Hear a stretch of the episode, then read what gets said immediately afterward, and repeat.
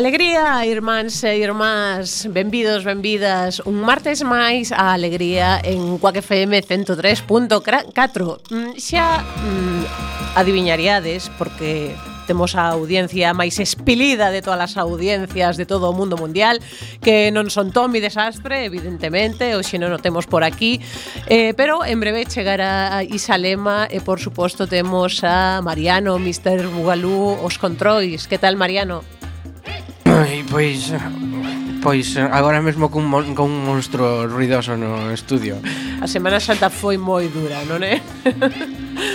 en fin. A ver, con, entre catarro ai, As presas de que non chegábamos á radio Ai, dios mío, que, que horror Pero sobre todo catarro, e o peor de todo é que eu só estou empregando medio cerebro para as miñas funcións habituais, porque a outra metade está ocupada por unha lesión de, de mocos. sí, claro, que eh, a, neurona, a neurona funciona moito peor cando tes un montón de mucosidade mm, polo medio. Bueno, non te preocupes que aquí as rapazas imos encargarnos de todo, porque hoxe temos unha alegría cargado, con permiso do noso compañeiro eh, eh, Diego de la Vega, cargado de contenidos. Eh, hoxe imos ter pois unha entrevista con Arquitectos en Fronteiras polo, pola estrea do documental El Derecho a un Techito. Imos falar tamén co concelleiro Pepe García, eh, concelleiro do PSOE na Coruña, falaremos de presupostos, falaremos de, bueno, de todo que sexa, porque hai moito, moito que falar. Eh, e mentres tanto, felicitarémonos, felicitarémonos moito porque hai dous días que Quack FM cumpriu 20 anos, nin máis nin menos. Agora sí, Isa Lema, que tal? Oh, bravo, bravo, bravo, bravo. Felicidades, happy birthday to you, Mr. President and everybody. pois a verdade é que sí, que estamos de cumpre, 20 anos, non se nos nota nada, estamos igual que igual sempre. Igualiños. Esta é unha emisora pois moi noviña, moi noviña porque ten moitos retos aínda por diante. Bueno, xa es vin máis noviñas, eh.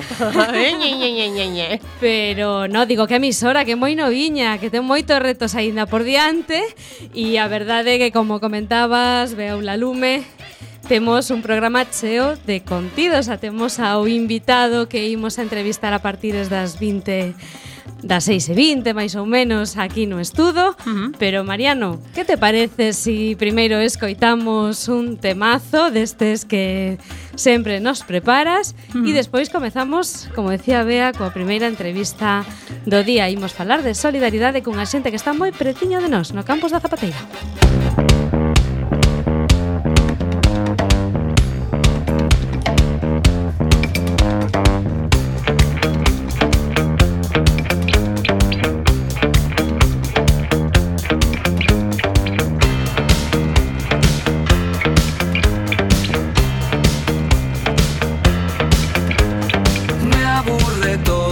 encuentro acomodo. Nada me motiva ni capta mi atención. No me asombro ya de ningún modo. Ni nadie es santo de mi devoción. Busco una sorpresa que me vuele la cabeza. Pero por mi naturaleza nada me interesa. Y si se ve,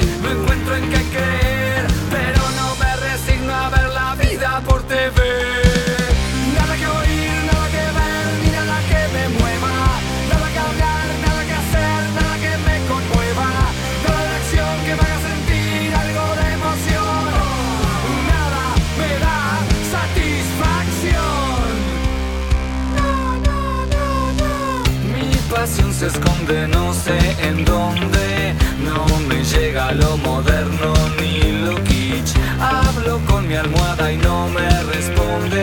No me alegra ni un verano en Miami Beach. Ni ver gente en el cadalso en la CNN. Ni entrar con nombre falso en el MSN. Ya sé, yo voy en otra dirección. Pero mi paciencia ya está en vías de extinción.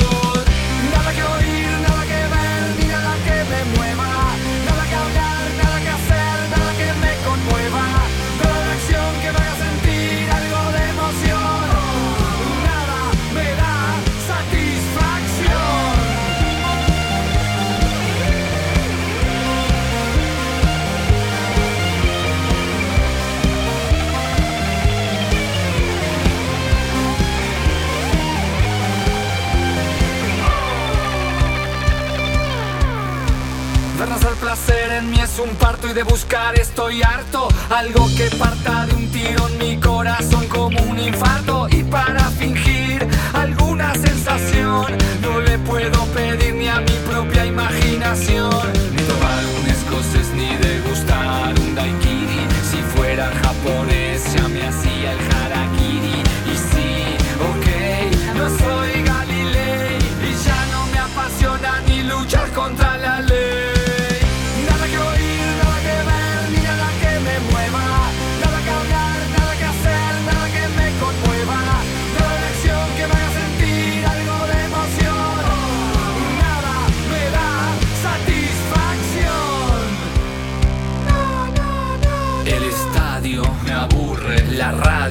Aburre, el camping me aburre, el zapping me aburre, la religión me aburre, el cotillón me aburre, el bingo me aburre, el domingo me aburre, el fair play me aburre, el DJ me aburre, la oficina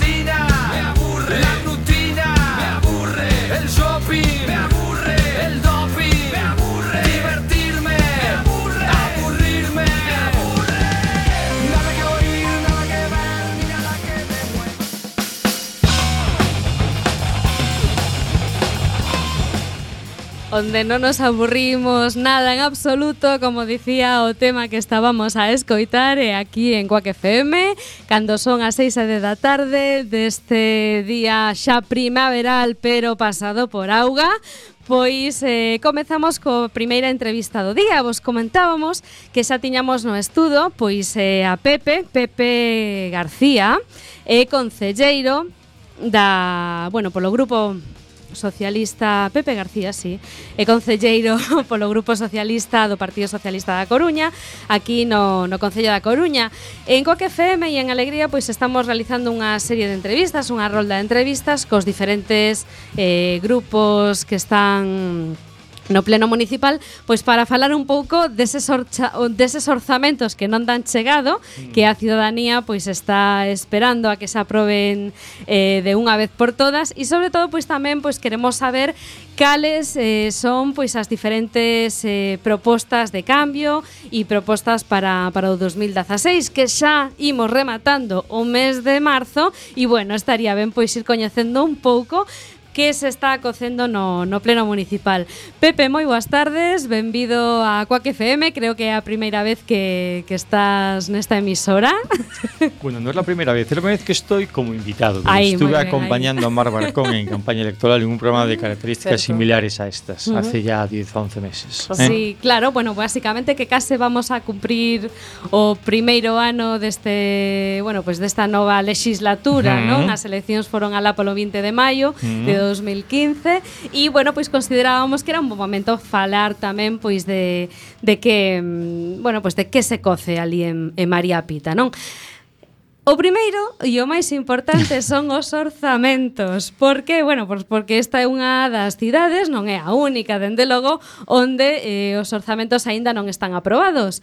Basicamente porque o partido no goberno ten, non ten unha maioría absoluta e ten que pactar, pois neste caso, co Partido Popular, co Partido Socialista e co Bloque Nacionalista Galego. Mm. A semana pasada tivemos neste programa a representante do Bloque Nacionalista e hoxe, pois, eh, queríamos falar con alguén do Partido Socialista para que nos dea tamén tamén a súa visión.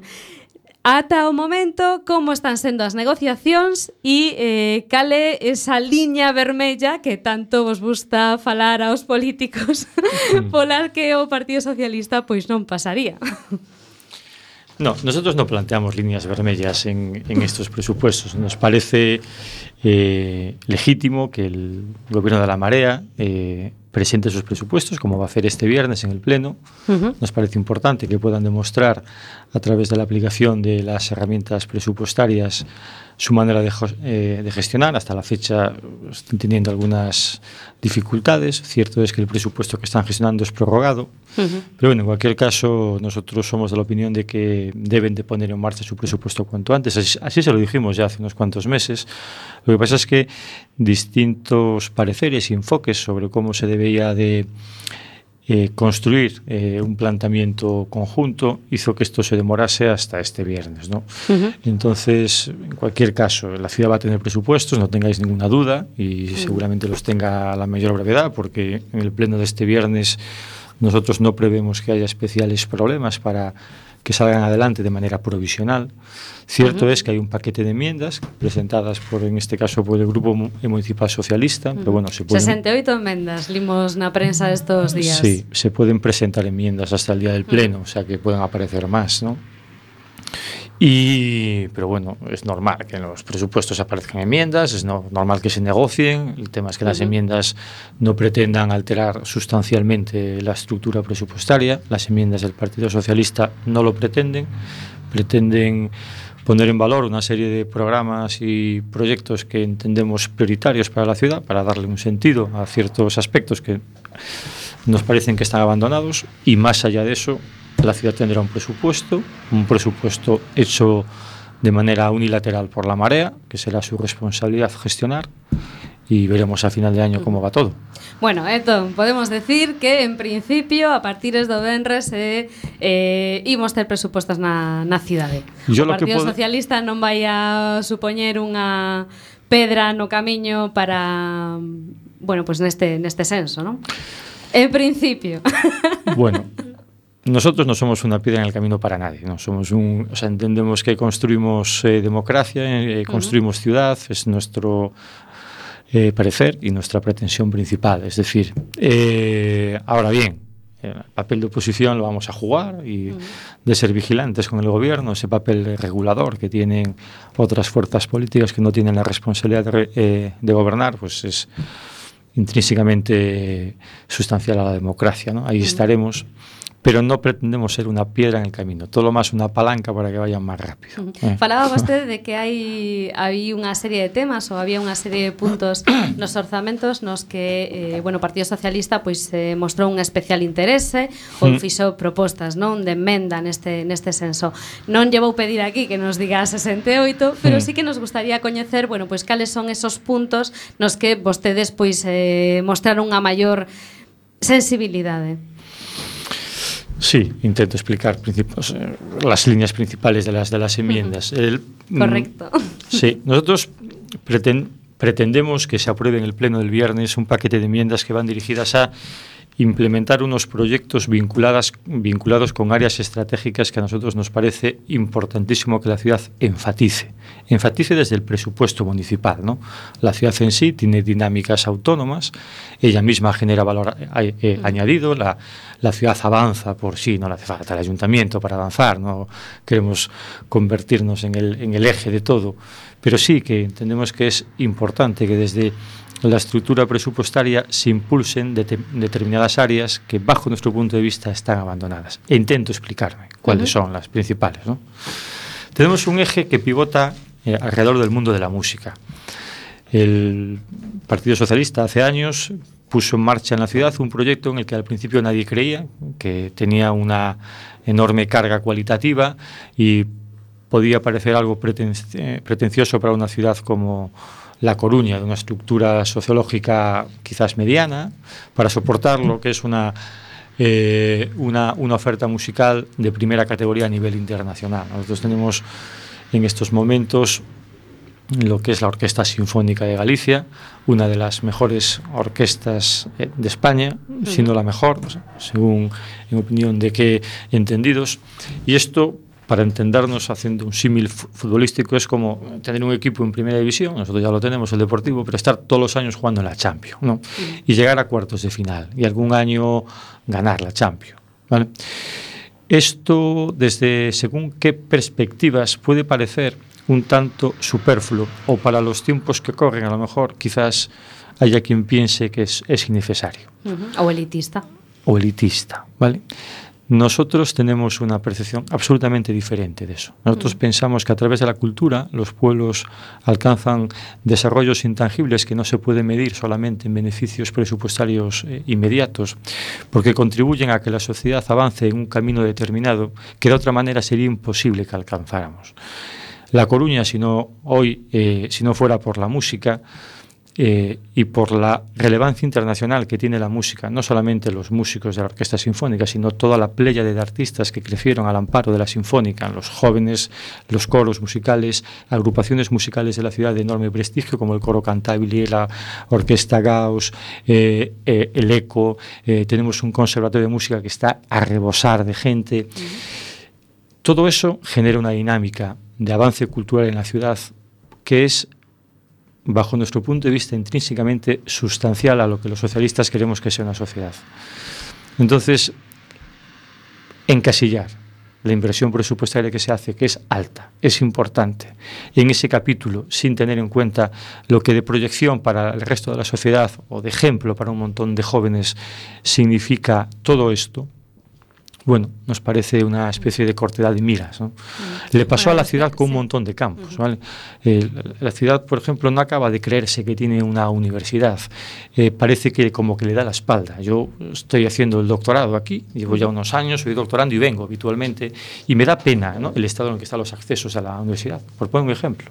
O todas las, de las líneas que entendemos prioritarias es, por ejemplo, es la mejora de las instalaciones deportivas en la universidad. Hay aquí un campo de deportes de atletismo que no hay en toda la ciudad que está totalmente abandonado, no totalmente abandonado, pero los, pero los deportistas se quejan de que las condiciones no son las idóneas para entrenar. ¿no? Eso es un campo. que no tiene que ver con el, con el saber, pero sí con el cultivo del cuerpo. Y entendemos que esto va un pouco de la mano. Bueno, eso, de todos modos, eh, son as dependencias da universidade e sí. o financiamento da universidade depende da, da Xunta de Galicia. Sí, e, pero bueno, hola, hola. iríamos, iríamos a, outro, a no, outra temática e outros no. orzamentos que tamén discutimos habitualmente nesta mm. emisora co reitor e co respectivos reitores. Es la misma temática, bueno. no, porque mira, es decir, si la ciudad no se cree que tiene una universidad, mm. ¿vale? Y no la apoya, pero la apoya en todos los campos. Por ejemplo, otro paquete de medidas que va en, el- en la- en las enmiendas son un paquete de, eh, de becas importantes para gente de la universidad, para vincular la universidad con el empleo de la ciudad, ¿vale? Un problema que tienen los jóvenes en España principal es la falta de esperanza. Ten- Tenéis un nivel de paro bajo nuestro punto de vista insultante, ¿no? Bueno, bajo el punto de vista de cualquiera, ¿vale? Entonces, no se construyen alternativas que presupuestariamente son viables. Hay que hacer un esfuerzo en esa línea, sí, pero preferimos hacerla en esa línea que no en otra. Creemos que eso es lo más importante. Entonces, si la ciudad se creyese de manera intensa que tiene una universidad y articulara puentes, por ejemplo, otra medida que llevamos es hacer una cátedra vinculada con los museos científicos y la UDC para poner en valor la proyección museística que tiene la ciudad desde el punto de vista científico, que también parece estar olvidado en la ciudad. Es que la ciudad tiene tres focos. Tiene el deportivo, que está muy bien, el fútbol. Nos parece estupendo, y que esté ahí, que gane ligas. Luego tiene dos faros, aparte de la Torre de Hércules, están vinculados a la música y a los museos. Y con eso pivota la universidad. Entonces, insistimos mucho en las enmiendas, en los apoyos a los programas eh, eh, de la universidad, de los museos científicos y de la orquesta sinfónica. Algunha medida en concreto, Con los museos científicos, por exemplo? pues un- unas cuantas. La primera, la creación de esa cátedra de divulgación científica. En el mundo hay un- una explosión de eh, eh, lo que significa la divulgación científica desde todos los puntos de vista. Ya es muy conocido las charlas TED, por ejemplo, o que las grandes universidades ya están dando en YouTube casi en abierto las clases de los grandes catedráticos, o, o las ciudades y las universidades periféricas hacen algo, o dentro de pocas décadas van a quedar fuera de juego y todo el mundo se conectará al catedrático de Harvard. ¿vale? En la divulgación científica, las ciudades que tengan estructuras como La Coruña son escasísimas en Europa. En, en España está Valencia y nosotros. Pero la inversión que se hace en los museos científicos, poco a poco, va menguando y se están como olvidando. El que los haya visto hace 15 años y los vea hoy dice, esto ha bajado de calidad, esto se está deteriorando, no se hacen las inversiones, es suficiente. Tenemos una, el, el- un museo se ha vinculado con la, con la, con la fauna, con, lo- con los, con los animales marinos, que bueno, ya hace falta que se renueve, porque aparte de ser carísimo, vas con tu hijo sales con un desembolso importante, hace tiempo que no se renueva. Entonces, bueno, a nosotros nos parece que eso es importante que se ponga en valor, porque proyecta la ciudad de maneras que no se venden, a lo mejor mm, de manera cuantificable inmediata, pero sí a medio y a largo plazo. Y las enmiendas van por ahí. Más cosas concretas vinculadas con los museos, aparte del apoyo a la creación de la cátedra de divulgación científica, duplicar los apoyos a los premios Prisma. Los premios Prisma son los premios más prestigiosos de España de divulgación científica. Se entregan cada año aquí en la ciudad y parece que pasan olvidados, nadie habla de ellos. Pero el mundo científico sí, tiene mucho valor y mucho prestigio. Nosotros no tenemos un festival de cine como Málaga o San Sebastián, pero tenemos los premios Prisma. Yo pongo la mano en el fuego a que muy poca gente sabe que se dieron hace mes y medio en el ayuntamiento, porque es que no hubo promoción de los premios Prisma. ¿eh? Bueno, uh -huh. pues son ejemplos que nosotros queremos poner en valor. Nesta cidade que estamos case con 20% de, de paro, E se miramos o paro juvenil, como vostede comentaba, pois un 25%, eh, a verdade é que a empregabilidade e sobre todo a empregabilidade de, desta xente que sae dos centros de FP e sobre todo da universidade pois é un tema importante a, a tocar. Cale, dende o seu punto de vista e ademais eh, tendo en conta o seu background como empresario, non? Ou, bueno, como persoa que vende o mundo tamén da, da empresa privada, cale o seu punto de vista e cal deberían ser as liñas eh, de emprego mm, para, para a cidade dos vindeiros anos? Oh. La pregunta es compleja, ¿no? Bueno, el, el- el empleo es una faceta que tiene mucho que ver con el ámbito nacional, ¿vale? El ámbito regulatorio que más lo define y lo impulsa o lo frena es el ámbito nacional. nos voy a hablar de las 200 ma- medidas que pactaron Pedro Sánchez con Rivera para el tema del pacto de gobernabilidad, porque no tocan en esta, en esta entrevista. No, e porque eu lle facía preguntas sobre o pacto de emprego que tampouco toca. Claro. Entonces, Mellor non tocalo. No, bueno, yo toco el tema que quieras, me digo por el, te- por el tema de la entrevista. Estás hablando de los ejes. No, porque queremos ¿vale? falar do tema local, sí. Claro. El, eh, el ayuntamiento tiene responsabilidad en el ámbito de empleo mm, de manera colateral, ¿vale? Hay ámbitos de empleo que se pueden potenciar de una manera muy dinámica. Os hablaba antes de la música. Nosotros eh, cuantificamos aproximadamente unos 2.000 empleos vinculados al- al mundo de la música. Nosotros pensamos que eso se puede cuadriplicar, vinculándolo a producciones audiovisuales, eh, eh, mm, eh, eh proyectos artísticos, etcétera, etcétera, ¿vale? Eh, fabricación de instrumentos. Uh -huh. Bueno, hay una playa de actividades vinculadas a la música y a la cultura vinculada a la música, el baile, etcétera, muy grande. Otra de las medidas que va en la enmienda es una inversión en lo que llamamos la Field Commission, que es una especie de clúster del audiovisual. La Coruña tiene mucho potencial porque tiene varias escuelas de FP vinculadas al audiovisual y desde lo público esto está como un poco abandonado. No hay un soporte, no, no hay una estructura que haga análisis estratégicos, haga promoción exterior, etcétera, etcétera. Eso todos los ámbitos queremos eh, potenciar. Otro aspecto que en La Coruña es una potencia y la gente a lo mejor lo desconoce es en el ámbito de la salud. Otra de las medidas que va en las enmiendas que, que presentamos es el impulso de un clúster de la salud en la ciudad. eh, En, en la ciudad. Un clúster de la salud significa una serie de, de industrias y de empresas vinculadas al ámbito de la salud, eh, juntando público y privado, que dinamicen los distintos proyectos empresariales que le puedan dar valor a la ciudad desde el punto de vista de la salud y de, y de- y de la investigación. Eso también está olvidado. Hay un montón de hospitales privados, un montón de hospitales públicos, industrias auxiliares que trabajan para ellos, pero no hay una estructura que los potencie y los coordine, como por ejemplo hay en Vigo con el automóvil. ¿vale? Otro de los campos que en la ciudad tiene que decir, oye, hasta aquí, vamos a construir todos en positivo. No hay un Consejo Económico y Social que siente en la misma mesa a Confederación de Empresarios, Cámara de Comercio, Asociación de Jóvenes Empresarios tipo AGE, etcétera, el Ayuntamiento y otros actores sociales. No se fomenta de una manera, bajo nuestro punto eh, de vista acertada, el trabajo que tiene que ver con el tercer sector. En La Coruña hay un tejido asociativo muy potente, que es, tiene muchísima tradición y prestigio, no solamente a nivel local, sino nacional e internacional. Yo trabajé en ese campo muchos años. Hay un montón de cosas que se pueden hacer desde el punto de vista de las organizaciones sociales, incluso cooperativas, que no se está impulsando y trabajando.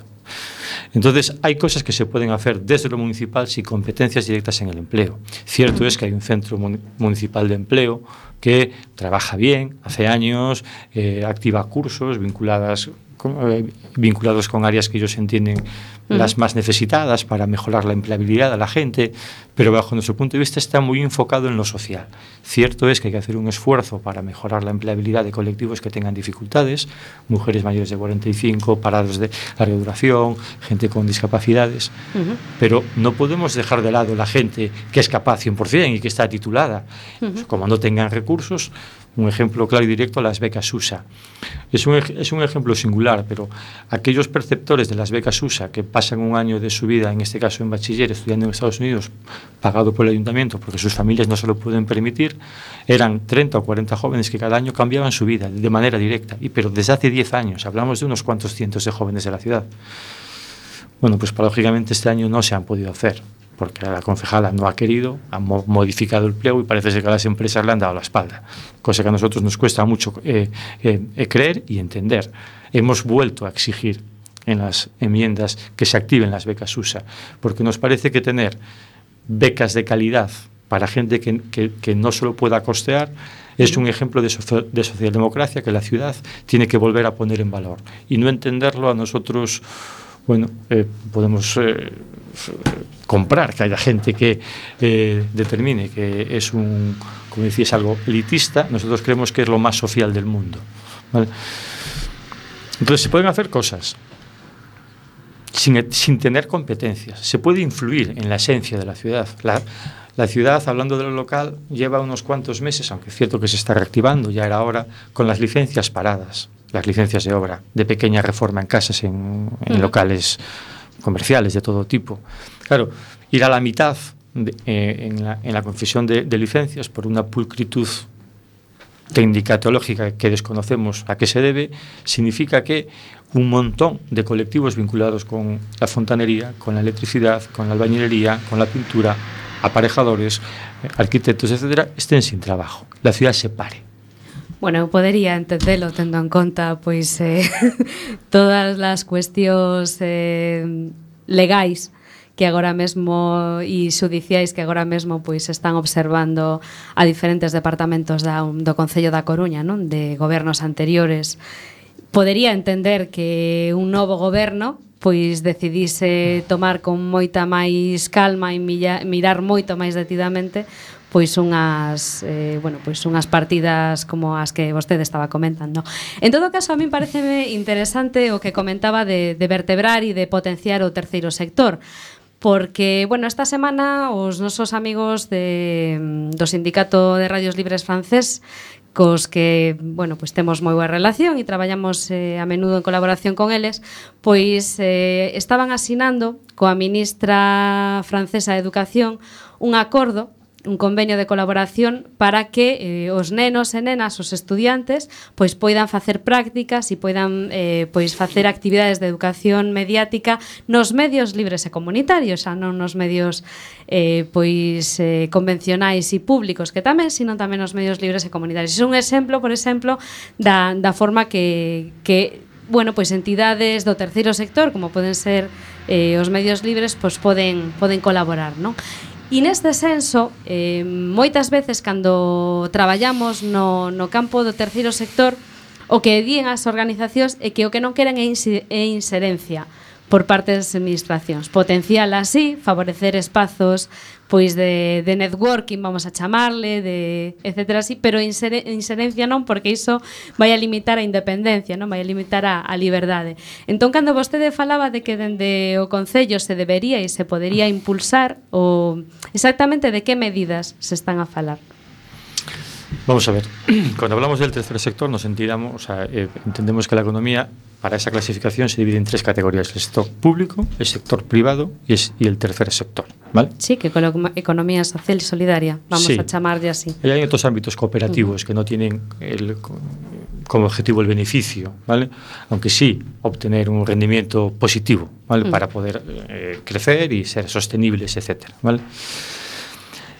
Cuando eh, a través de una, de una eh, eh, administración local se articulan la prestación de servicios, algunos muy importantes, pues no sé, te pongo un ejemplo, la hora, se hizo la hora, y se articula a través de empresas privadas o la gestión de otros servicios vinculados con el medio ambiente. ¿vale? Eh, y no se le da opción al, ter- al tercer sector o articulaciones mm, eh, eh, o figuras administrativas que tengan encaje dentro del tercer sector.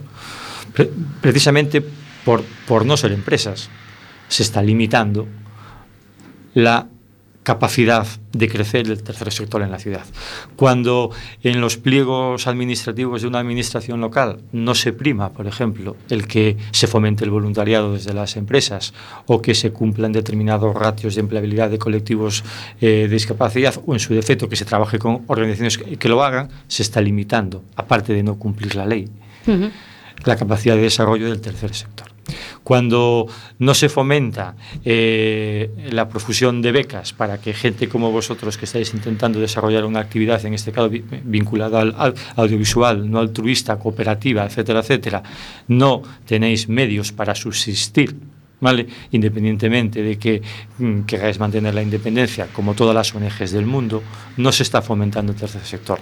Que en el presupuesto del 2016 de la Marea hubiese cero euros para cooperación internacional y tengamos que ser los socialistas los que digamos que se pusiera dinero para programas de cooperación internacional en el tercer y cuarto mundo, entendimos que era un olvido, pero parece ser que no que a nosotros nos parece importante que se fomente el tercer sector vinculado a la cooperación internacional en la ciudad, porque a lo mejor no tiene actividad directa en la economía social, pero sí en la sensibilización de los jóvenes ante una actitud, por ejemplo, con los inmigrantes.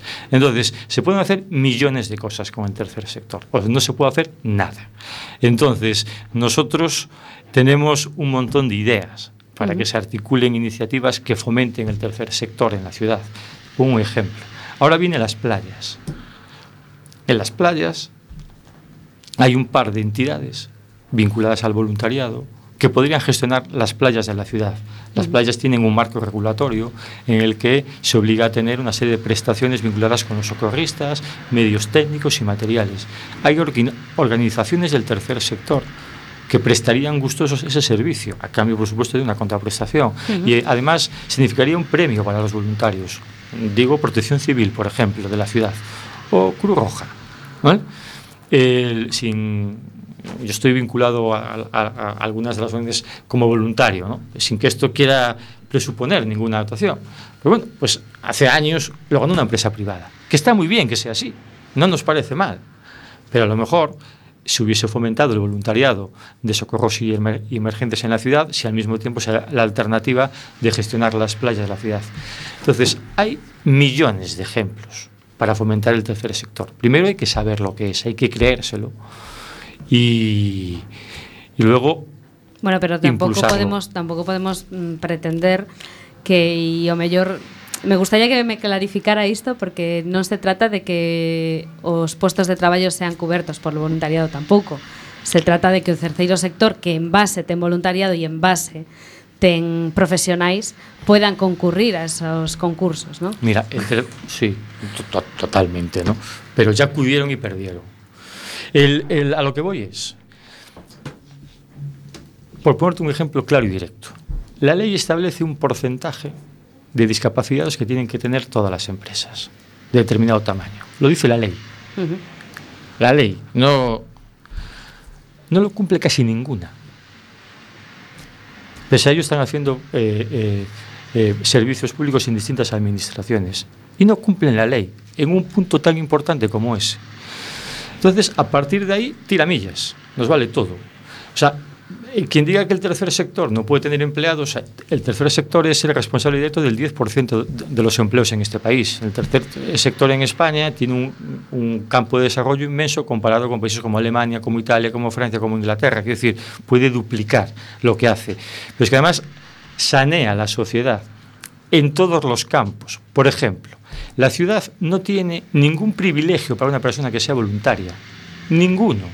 Tú eres voluntario, te matas, entre comillas, porque eres voluntario, a colaborar con drogodependientes, con exalcohólicos, con ancianos, con discapacitados, captando fondos para la cooperación internacional y no tienes ni el, bon- ni el bonobús gratis. No tienes ningún privilegio por serlo desde lo público, desde lo municipal. Y una ciudad que quiera que el tercer sector florezca, o se sensibiliza con, eso, con esos campos o no. Entonces, no le cuesta nada al ayuntamiento articular medidas que favorezcan que el voluntariado crezca en la ciudad. No le cuesta nada. Le tiene que decir a quien quiera contratar con él que lo haga. Porque vamos a priorizar que sea así.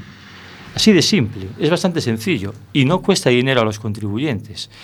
Cuando una ciudad tiene un tejido asociativo fuerte, sólido, incluso desde el punto de vista reivindicativo, nosotros pensamos que es más justa y más avanzada. Pois, bueno, vamos chegando ao fin da, da nosa entrevista e continuamos eh, en alegría. Temos connosco a Pepe García, concellero do Partido Socialista, ao que eh, pois lle queremos dar moitas grazas por acercarse hoxe a, aos estudos de Coac FM aquí na Zapateira. E eh, a última pregunta que lle queremos facer, eh, tendo en conta que vostede concelleiro dende hai moi pouco tempo e a mm. primeira experiencia que ten, dende, creo recordar, Pois no ámbito político, como está sendo esta experiencia? Como, como está vivindo? Pues mira, es una buena pregunta. De una manera muy intensa. O sea, yo creo que no hay mayor honor para alguien que se quiera dedicar a esto como nosotros que ser concejal de la ciudad. Es una cosa que es muy bonita, muy cercana.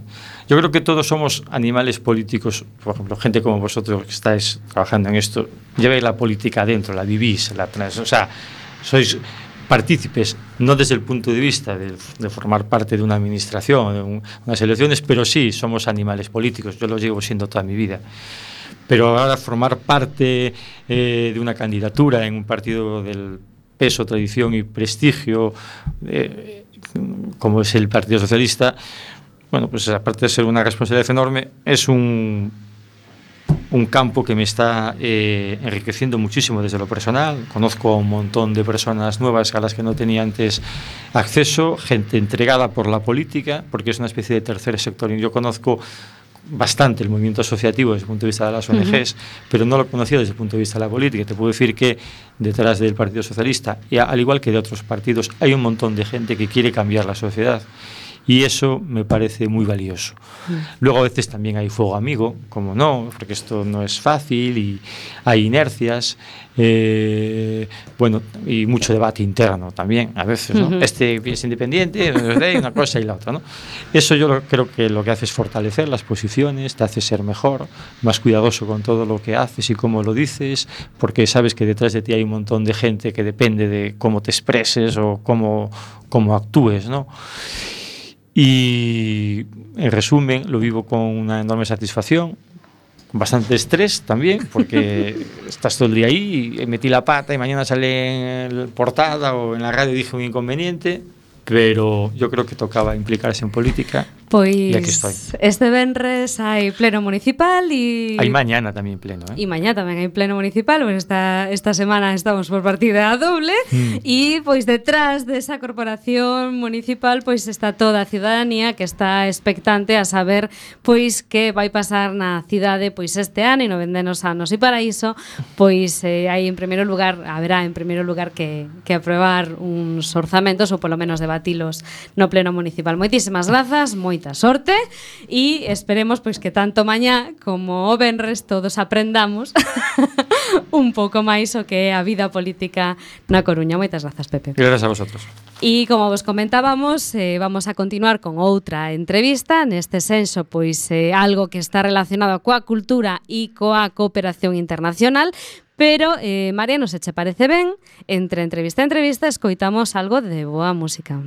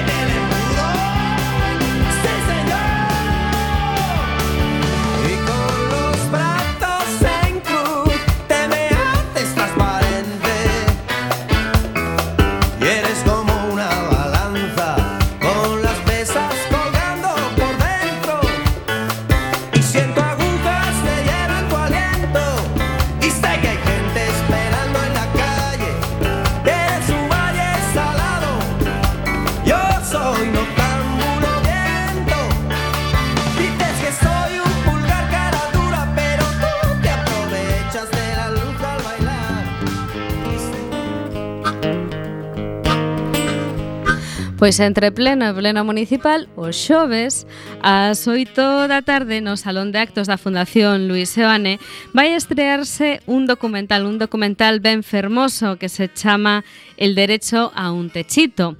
É un documental promovido por dúas ONGs amigas desta casa, Arquitectos en Fronteiras e Agareso, a Asociación Galega de Reportarios Reporteiros Solidarios, e aproveitando pois esta nova eh, chamamos a Lara Medín, que traballa en bueno, traballa ou é voluntaria, eh, vimos de falar moito de voluntariado nesta entrevista, é voluntaria en Arquitectos en Fronteiras.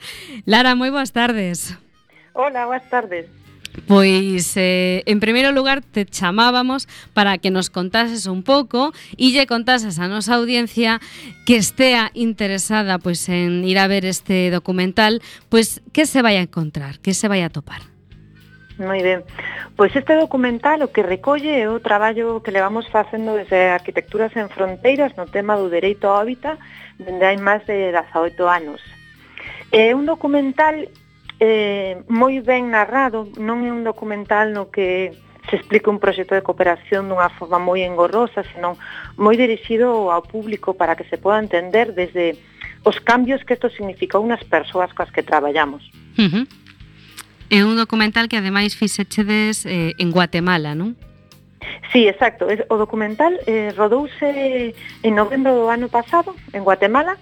Viaxaron tres voluntarios da ONG Agareso e ali estiveron durante 20 días acompañándonos no traballo e acompañando as organizacións guatemaltecas coas que traballamos e ali empapáronse de toda esta experiencia e puderon contar pois moi ben eh, o noso traballo a través deste documental. Por que el derecho a un techito?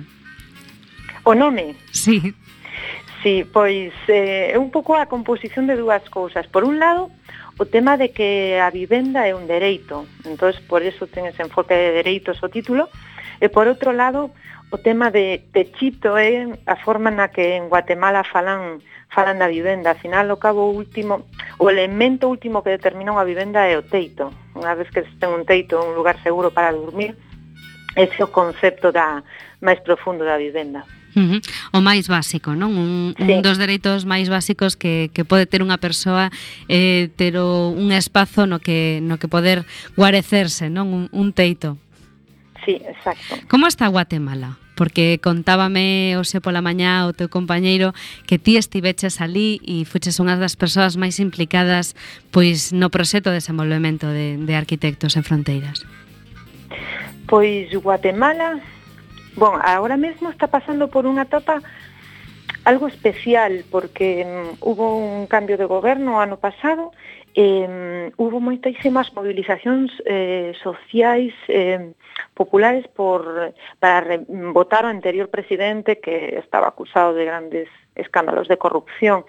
Entonces están empezando a, a facerse grandes movilizacións sociais, eh, bastantes cambios no país neste momento. Bueno, Guatemala é un dos países que ten o, o índice Fiji que mira a desigualdade máis altos do mundo. O 5% eh, da poboación ten o 90% dos, eh, eh, das grandes propiedades uh -huh. e, e recursos do país. Ademais disto, é un país en que o 60% da poboación é indígena, entonces há moitos casos tamén de racismo, eh, problemas relacionados con eso. Eh, estivo moito, moito tempo calada, entonces parece que de repente empeza como a moverse algo dentro da xente. Uh -huh. E cal é o rol de Arquitectos en Fronteiras nestes proxectos que estiveches a desenvolver? Pois o rol de Arquitecturas en Fronteiras é acompañar as comunidades e os grupos eh, organizados no seu dereito a un hábitat digno. Entón, levamos a cabo diferentes eh, proxectos. Eh, por un lado, que é o que se reflexa neste documental, proxectos vinculados á vivenda, o dereito a unha vivenda digna, pero tamén eh, proxectos vinculados ao hábitat como un concepto máis amplo. Entón, por exemplo, proxectos de educación, entón, a construcción de, das infraestructuras de educación, centros de saúde, postos de saúde, proxectos de educación, coa construcción do instituto, e despois a formación eh, e o acompañamento das comunidades nas súas eh, loitas eh, e organizacións comunitarias por o tema do dereito á vivenda.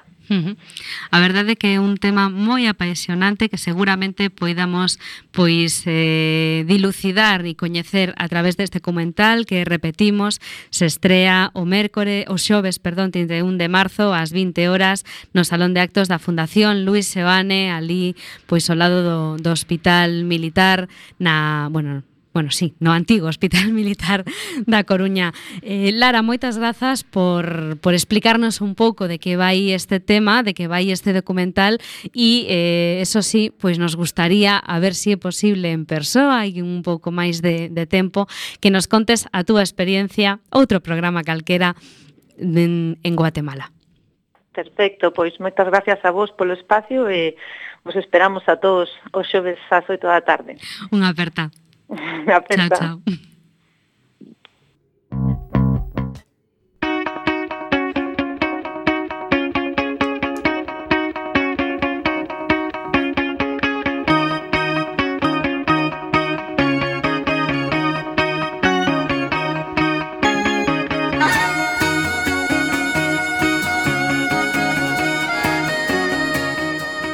Continuamos en Cuac FM 103.4 no teu dial, estás escoitando Alegría, son as 6 e 51 minutos da tarde deste martes 29 de marzo de 2016 e xa sabes que se none esta hora, este día eh, este ano incluso e que nos escoitas en redifusión. Chegamos ao apartado da Econova e eh, nos fala un portal inmobiliario chamado casa actúa de como podemos aproveitar o cambio de hora que tivemos recentemente na noite do sábado domingo. Eh, din que estes cambios de horario, según estimacións do Instituto para a Diversificación e Aforro de Enerxía, ten un potencial aforrador no noso país que pode chegar a representar un 5% do consumo eléctrico en iluminación, equivalente a uns 300 millóns de euros. Entón, eh, Casa Actúa recoméndanos adaptar a nosa casa a subida das temperaturas, pois eh, din que, para empezar, deixar de utilizar a calefacción, que mira, agora chove moito, pero xa frío, frío non fai tanto. Mm, deixar as persianas abertas para utilizar, retrasar o máximo a utilización de luz artificial e ademais eh, isto tamén vai ser bo para a saúde porque está demostrado que a luz natural ten mm, efectos significativamente eh, estupendos eh, sobre a mellora do ánimo, activar as defensas, manterse, manter en forma o sistema nervioso e incluso axuda a regular o sono, aínda que este tema do sono precisamente falando do cambio de hora, que ao final a maioría estamos tirados no sofá medios cacharraos por culpa do cambio de hora, Pero, bueno, a medida que nos vayamos acostumando, podemos facer todas estas cousas. Nos din tamén ir baixando a temperatura do termostato, que cada vez a auga que utilicemos non a imos precisar tan quente. Entón, pois, poñelo, por exemplo, a un máximo de 50 graus, e logo ilo baixando. Eh, por suposto, xa ir eh, quitando todas estas cousas que non imos precisar coa chegada da primavera, como calefactores, mantas eléctricas, di aquí deshumidificadores, concretamente aquí non, non quitedes os deshumidificadores. Nunca na vida. No, no, aquí non deixan de funcionar en todo o ano. E tamén evitar o uso da secadora, que xa chegan días mellores e normalmente podemos tender fora. Ás veces hai que esperar un pouco porque vale, aquí chove moito, pero sí que normalmente dentro da semana dis, ah, pois mira, se espero o mércores que dan bo, pois xa aproveito eh, tendo fora. Tamén falan de recuperar as actividades de ocio, se aproveitamos estas mm, tardes de sol para pasear, ir ao parque cos, coas crianzas, facer deporte, etc. Diminuiremos o gasto enerxético do fogar e ademais, claro, gañaremos en saúde. Insisto, cando sexamos capaces de erguernos do sofá, que de momento non é o caso. E, e bueno, por suposto mm, ir, ir ademais andando e evitar o coche para facer todas as actividades ten unha repercusión positiva para o medio ambiente. Pois sí. E a, o terceiro ítem que tocan aquí é acompañar todo isto dun consumo eficiente no fogar, que por suposto non ten que ver só coa primavera, senón que é algo que no que debemos estar concienciados todo o ano, pois cousas de tipo, eh, parece unha tontería, pero apagar as luces das habitaciones nas que non estamos ou a tele, eu estou cansada de estar en casas que a tele está permanentemente encendida, así este a toda a familia noutra parte que dis, a ver, que que está vendo o, fan, o fantasma da boa ou que, non sei, non, non ten moito moito sentido. Bueno, coñezo xente que deixa a radio encendida en todas as habitacións. Pois iso, home, unha cousa é que eu que sei, estás facendo limpeza que acabas pasando por todas as habitacións, bueno, vale, pero pero se non, o, es que non non ten non ten moito xeito. Eh, outras cousas como, pois xa sabedes, eh, LEDs ou eh, bombillas de baixo consumo, eh, non sei, cerrar a villa do grifo cando nos estamos eh, cepillando os dentes ou enxabonando, e todas esas cousas que xa entran pois dentro do que todos coñecemos. Pero eso eh, non está relacionado coa primavera, nin co no, cambio no, no, no, horario. No, no, eso este... xa é como un extra, pois dentro das mm, acompañando cando as outras, pois, aproveitar e lembrar. A ver, eu, eu non quero ser troll, pero este cambio caca. sí. sí. A verdade é que eu teño un, de, un jet lag da leche. eh, Home, é terrible mola polo tema da luz e todo iso, pero sí que ata que se acostumbra o corpo é como a que bleh, matame camión. A mí me parece, eu supoño que a xente en Barcelona estará super cómoda con este con, con, con estes con Por estes cualo. cambios porque están no seu uso horario, pero eu levo fatal. bueno, pero tamén o levas fatal porque tes un gripazo da leche. bueno, rapaces e rapazas, despedímonos. Ímonos despedindo a todos aqueles ointes que sodes socios e socias de Cuac. Vémonos o Benres na CEA de 20 aniversario. Vicos a todos e felicidades unha vez máis.